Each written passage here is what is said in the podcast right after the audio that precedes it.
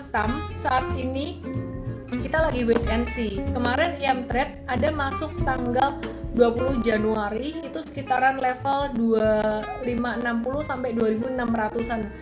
Nah, kita ada jual di tanggal 21 Januari profit taking 21 sampai 29 persen cuman satu hari aja cuman nanti kalau dia jatuh lagi sampai ke level 25 50 25 60 kita nggak mau masuk lagi kenapa karena pantulannya nggak akan kenceng ya. Pantulan yang kenceng tuh pantulan pertama. Kenapa? Logikanya gini. Antam ini kan naiknya lama ya, dia naiknya pelan-pelan, pelan-pelan, pelan-pelan, lama naiknya dua bulan berturut-turut bahkan lebih. Orang-orang yang punya di harga bawah, bahkan yang punya itu uh, smart money atau institusi, mereka kalau mau profit taking, mau abisin barangnya, itu nggak bisa kayak profit taking langsung sekali profit taking selesai. Jadi mereka profit taking, mereka jual dulu pada tanggal 15, 18, 19 Januari. Mereka profit taking jualan dulu kemudian mereka diem. Eh retailnya buy on weakness tuh.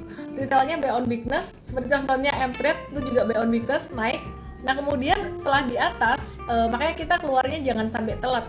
Kita keluarnya juga duluan gitu. Tanggal 21 kita langsung keluar.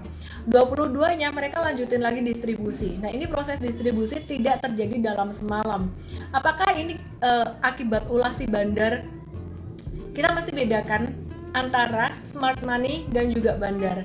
Jadi memang harga saham itu bisa bergerak naik dan bisa bergerak turun karena adanya demand dan juga supply. Kalau demand semakin besar, maka harga saham akan naik. Kalau supply lebih besar, harga saham akan turun gitu. Ya. Jadi apa yang terjadi pada masa akumulasi demand lebih besar?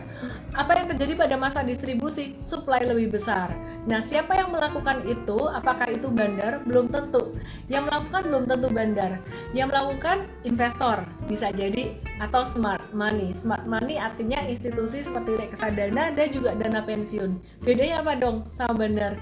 Bedanya adalah bandar itu mereka sengaja create volume supaya harga saham naik dan mereka mengambil keuntungan jual di atas. Padahal fundamental perusahaannya jelek. Ya jadi mesti sekali lagi mesti dilihat secara fundamental